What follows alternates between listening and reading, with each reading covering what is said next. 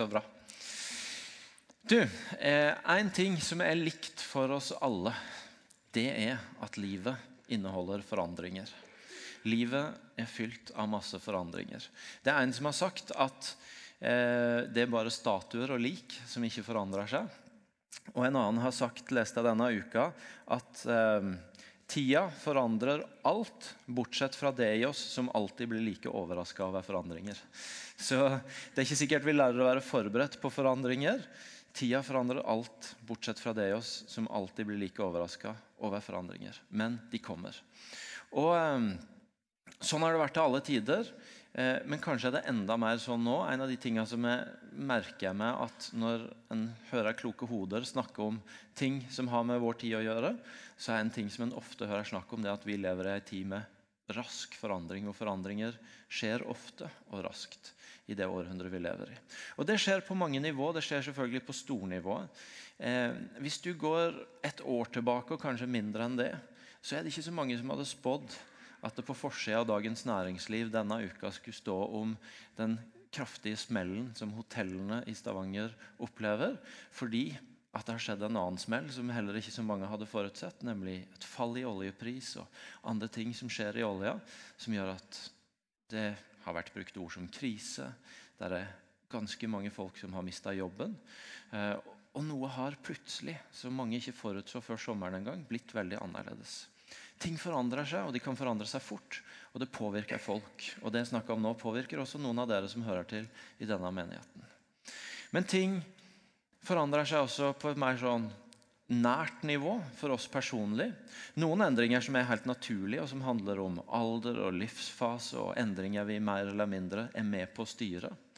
Det forandrer seg når vi flytter hjemmefra og skal begynne å klare oss sjøl. Det forandrer seg når vi går fra student til å begynne å jobbe. Det forandrer seg når vi stifter familie, når vi får barn, når barna er blitt så store at de flytter ut igjen. Eh, det forandrer seg når vi bytter jobber. Det er masse sånne forandringer som vi går igjennom, og som gjør at livet blir litt annerledes. Og Så møter vi også i livet forandringer som kommer imot oss, og som vi eh, verken opplever som naturlige eller vært med på å styre. Vi, vi rammes av sykdom. Et av barna våre blir utsatt for mobbing. Eh, vi mister jobben havner i en konflikt. Og jeg kunne fortsette å ramse opp. Det er forandringer av forskjellige slag som kommer i livet vårt, og som gjør noe med oss. Og så er Ett spørsmål inn i det er jo hva, hvem er Gud når livet forandrer seg?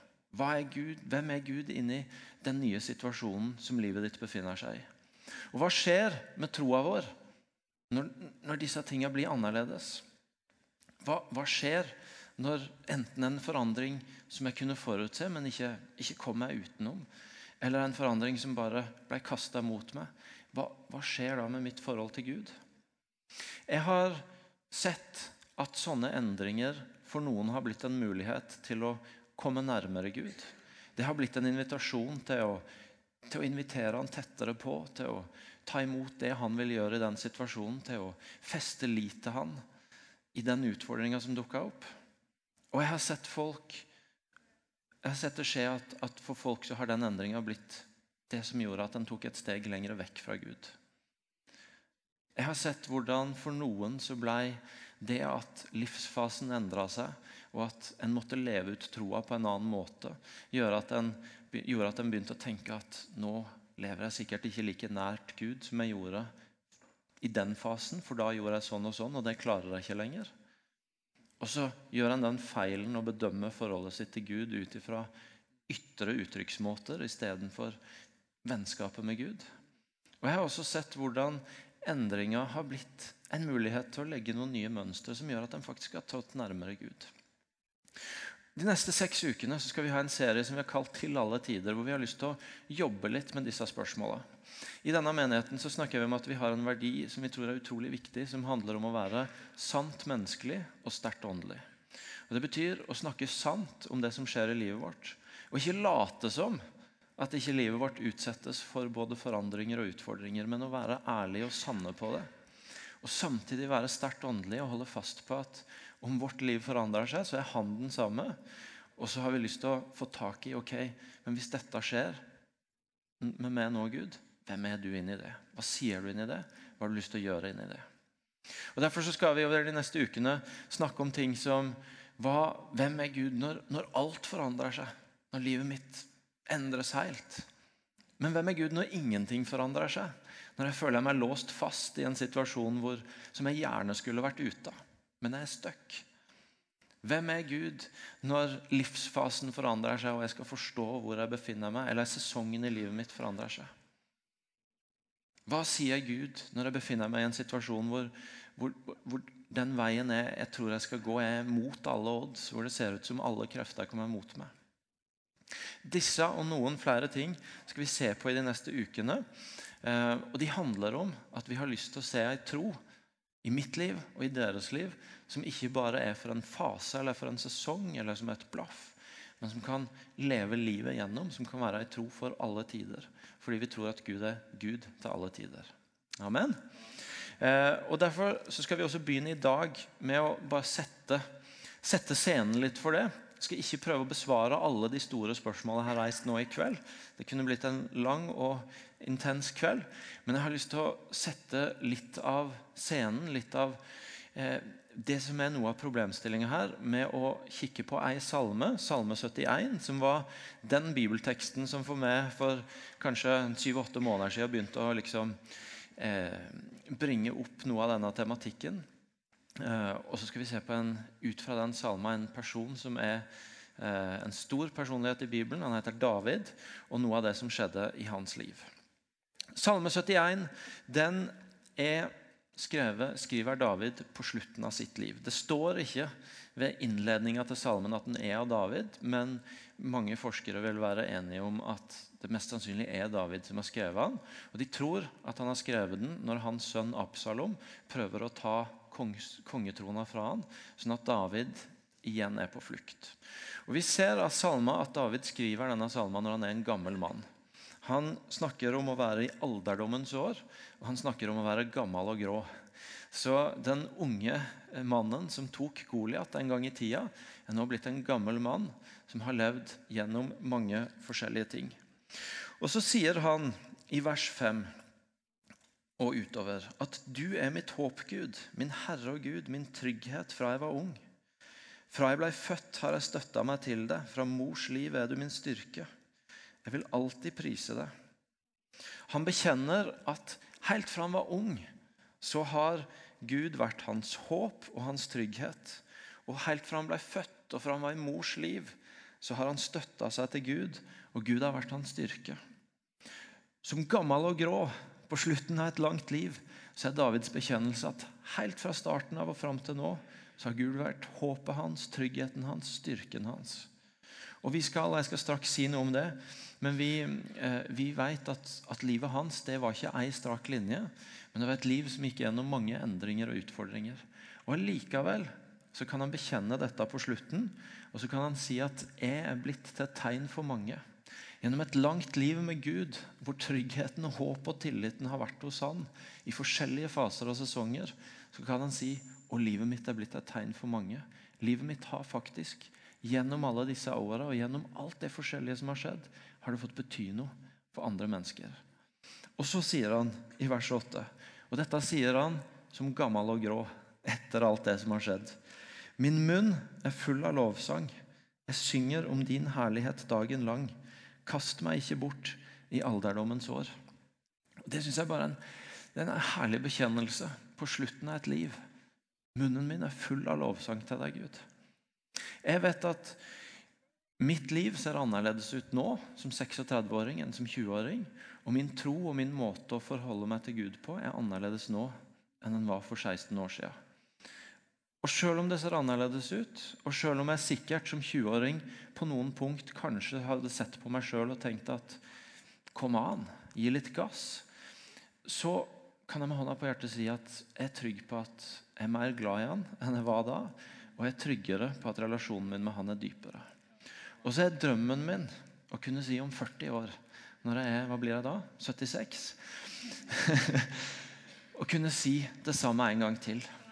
At Det kan godt hende at 36-åringen av Elling syns at du begynner å bli gammel og grå nå. Og at det er noen ting som, som, ser litt rart ut. Men jeg kan med hånda på hjertet si at 76 år gamle Elling er mer glad i deg, Gud. Og, tryggheten på at det er din, er enda dypere. Det er drømmen min, og det er drømmen jeg håper at mange av dere kan få ha. Og det er drømmen jeg håper at vi kan bygge ei plattform for gjennom disse ukene. Ved å se at selv om forskjellige ting kommer til å møte oss, og selv om jeg vet, selv om jeg ikke vet hva, så kommer jeg til å møte endringer, og også vanskelige endringer i løpet av de neste 40 åra. Å kunne ha den bekjennelsen. Er enda mer glad i deg nå, Gud. Munnen min, akkurat som David sier, er full av lovsang og tilbedelse til du. For tenk på Davids liv, hvor fullt det var av kontraster og av utfordringer. Vi møter han først når han lever i skikkelig anonymitet. Han er en nobody, en som ingen er opptatt av. Han, han gjeter farens sønner ute på marken.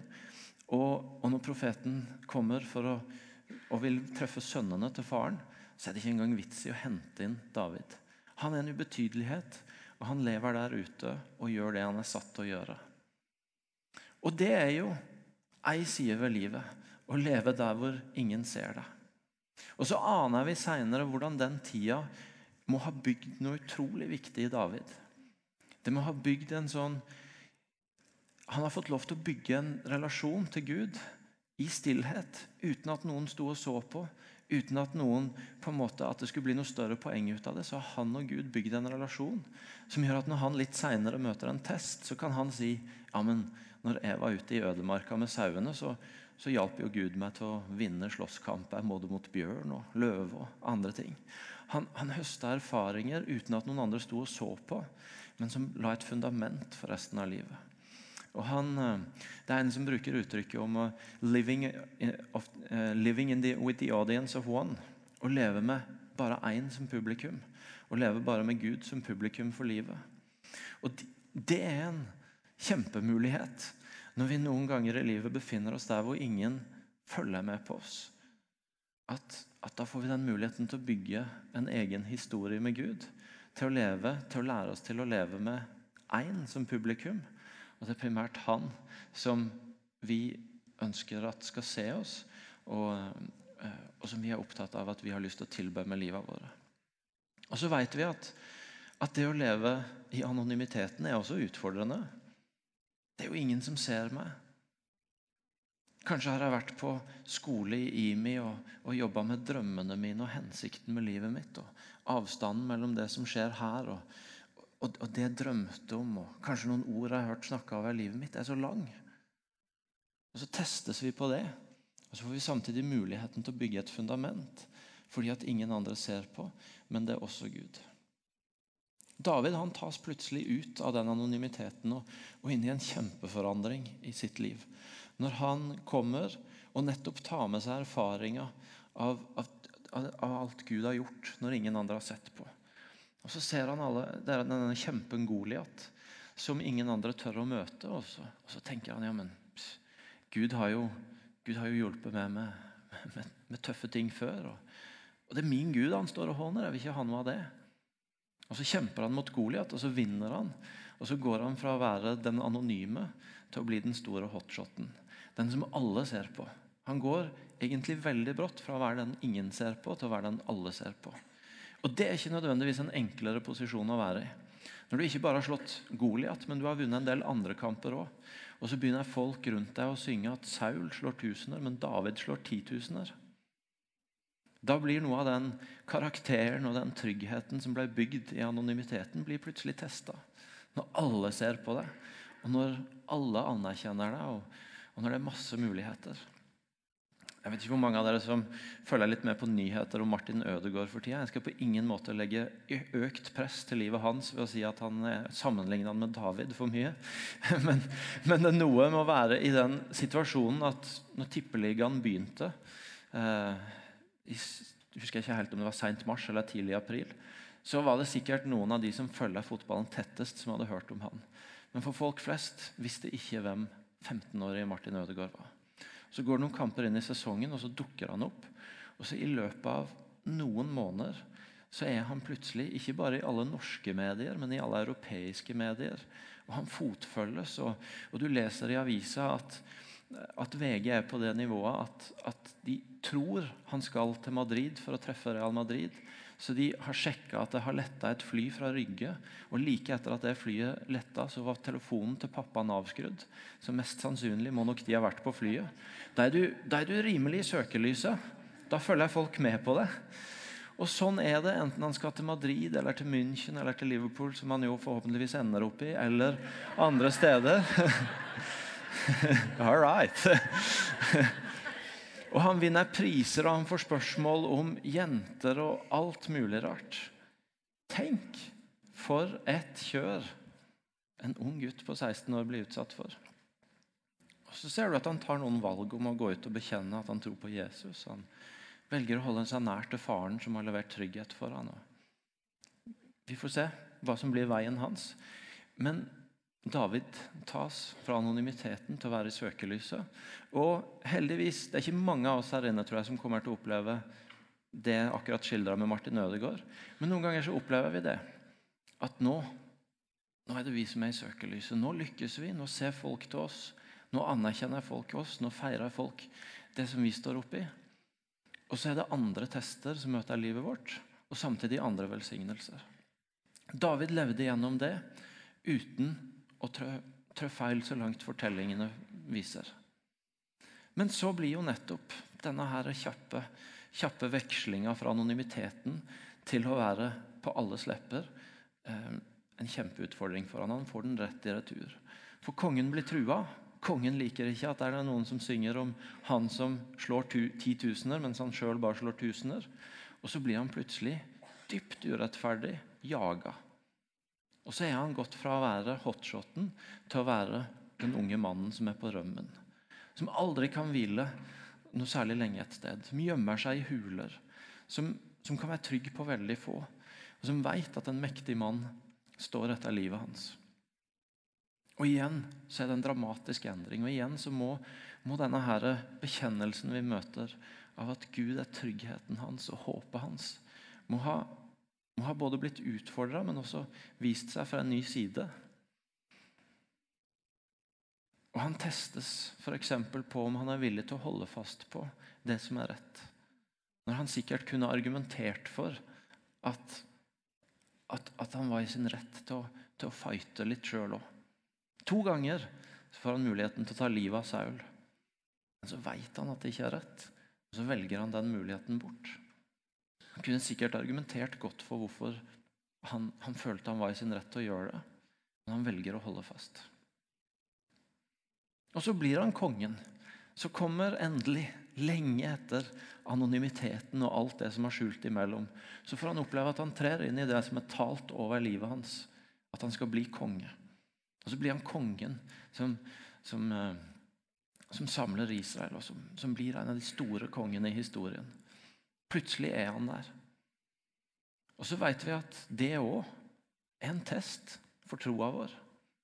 Nå kunne han jo blitt fornøyd, nå kunne han jo, og det er ikke ukjent hvis du leser Bibelen, Israelsfolkets historie, at når ting går bra, så glemmer man Gud. Men David han er fortsatt villig til å kle seg naken og bare danse for å tilbe Gud. Fordi han slutter ikke å, å holde fast på hvem Gud er i livet hans. Og så kan det jo høres ut som at David og Jesus nesten er de samme, sånn som jeg portretterer han nå, fordi det ser ut som han gjør alt rett. Så kommer plutselig historien om Batseba.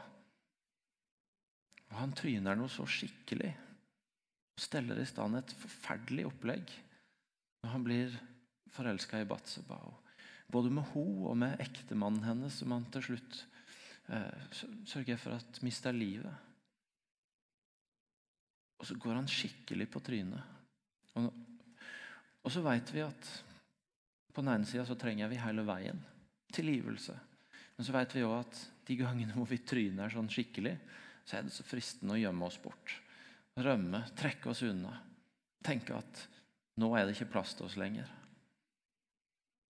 Og Så velger i hvert fall David der òg, når han skjønner hvor galt han har gått, å igjen vende seg mot Gud. Denne gangen med en bønn om tilgivelse, med bot, med rop om at Gud må tilgi han. Og Så får han erfare at relasjonen til Gud holder i nederlaget også. Holder når han har tryna. Og så er det nåde å få.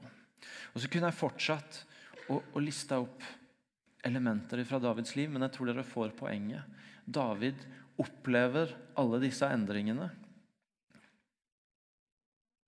Og så sier han allikevel på slutten av livet at hele veien så har Gud vært mitt håp, min trygghet, min styrke, der jeg har hørt til. Fantastisk! David levde ikke perfekt. Kanskje har jeg tegna et for idyllisk bilde av nå når jeg har trukket fram noen skisser. Men gjennom de utfordringene han møtte, så holdt han fast. Og så blir det utgangspunktet for at han på slutten av livet kan si vet du noe, min munn er full av lovsang. Jeg synger om din herlighet dagen lang. La oss i denne salmen plukke med noen av de tinga David gjør for å leve der. For jeg tenker at På den ene sida snakker vi her om, om, å, om hvem Gud er inni våre liv når vi møter endringer og utfordringer. Og På den andre sida forteller David oss liv noe om at han, han gjør noen valg for at Gud fortsatt skal få ha den plassen i livet. Og få møte han og hjelpe han igjennom og, og vise nye sider av seg sjøl i det nye som treffer han. Og La oss bare se kort på noe av det som skjer. Han sier i vers 3.: Vær meg et vern og en klippe, dit jeg alltid kan komme. Det er noe av det første David ber om når han nå igjen er jaga. At Gud må være det stedet han alltid kan komme. Det er et godt startpunkt for å erfare at Gud er Gud til alle tider. At, at Gud, du må være det stedet jeg alltid kan komme til. Den jeg alltid hører hjemme hos. Det er noe av det viktigste og første for David å be om, som han har lært gjennom alle disse åra og alle disse endringene. Gud, vær det stedet jeg alltid kan komme. Og så begynner han ut fra det å minne seg sjøl på alt det Gud har gjort og vært for han gjennom livet. Han begynner å minne seg sjøl på historien. De versene som jeg har lest et par ganger allerede om, om, om hvordan han har vært trygghet og håp og styrke og vern gjennom de ulike fasene for oss.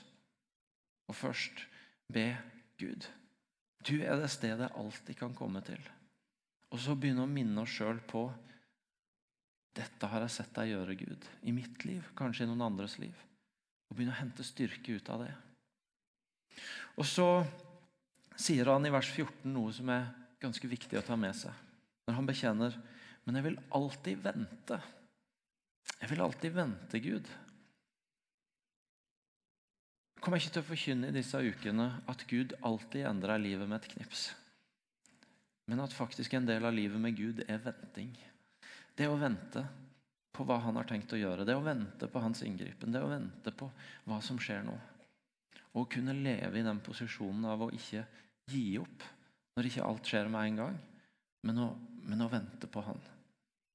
Vente på det han vil si, vente på det han vil gjøre, vente på det han vil være og faktisk ha den frimodige bekjennelsen at vet du noe, jeg venter, Gud, til du møter meg. Til du taler, til du sier noe. Og så sier han, men jeg vil vente med håp. Jeg vil vente med en frimodig forventning på at du er Gud, og på at ingenting av det jeg møter, er for stort for deg, eller for annerledes for deg, eller for dumt for deg, eller for ydmykende for deg. Men jeg vil vente med håp, med en frimodig forventning på at også inni dette, Gud, så har du en tanke, du har en plan. Du har noe du kan gjøre. Og så sier han at jeg vil legge min lovsang til all den lovsangen du får. Han vil, uansett om han nå skriver ut av et sted av å være jaga igjen, så vil han bare fortsette å lovsynge Gud. Velge å lovsynge Gud under alle forhold og under alle omstendigheter og ut fra det hente en styrke. Og så sier han, 'Gud, fra jeg var ung, så har du lært meg opp.' Han bekjenner faktisk at i de forskjellige fasene i livet så har Gud lært han noe. Han sier ikke at Gud har latt han gå igjennom urettferdighet og smerte for å lære han opp. Men Bibelen sier at Gud som kan vende alt til det gode, og han bekjenner faktisk at gjennom alt dette så har jeg lært noe. Så har du, Gud, lært meg noe. Og så har han en forventning om at også i dette, Gud, så kan du lære meg noe. Og så bekjenner han Eller så sier han, Gud, forlat meg ikke sjøl når jeg blir gammel og grå, men la meg tale om din kraft til hele den slekta som kommer. Han vender blikket framover. Han mista ikke perspektivet på, på, på retning på livet sitt. Og han er opptatt av slekta som kommer. Han, han, nekter å godta at det skal bare handle om han og hans ting her og nå. Men han, dette Gud er viktig for meg. Jeg vil få, få fortelle om dette til neste slekt. Han har en retning. Og så bekjenner han mot slutten Trengsler og ulykker lot du meg se, men du vekker meg til liv på nytt. Denne bekjennelsen om at når Gud kommer, så kommer han med liv. Og at han kommer til å vekke til liv på nytt.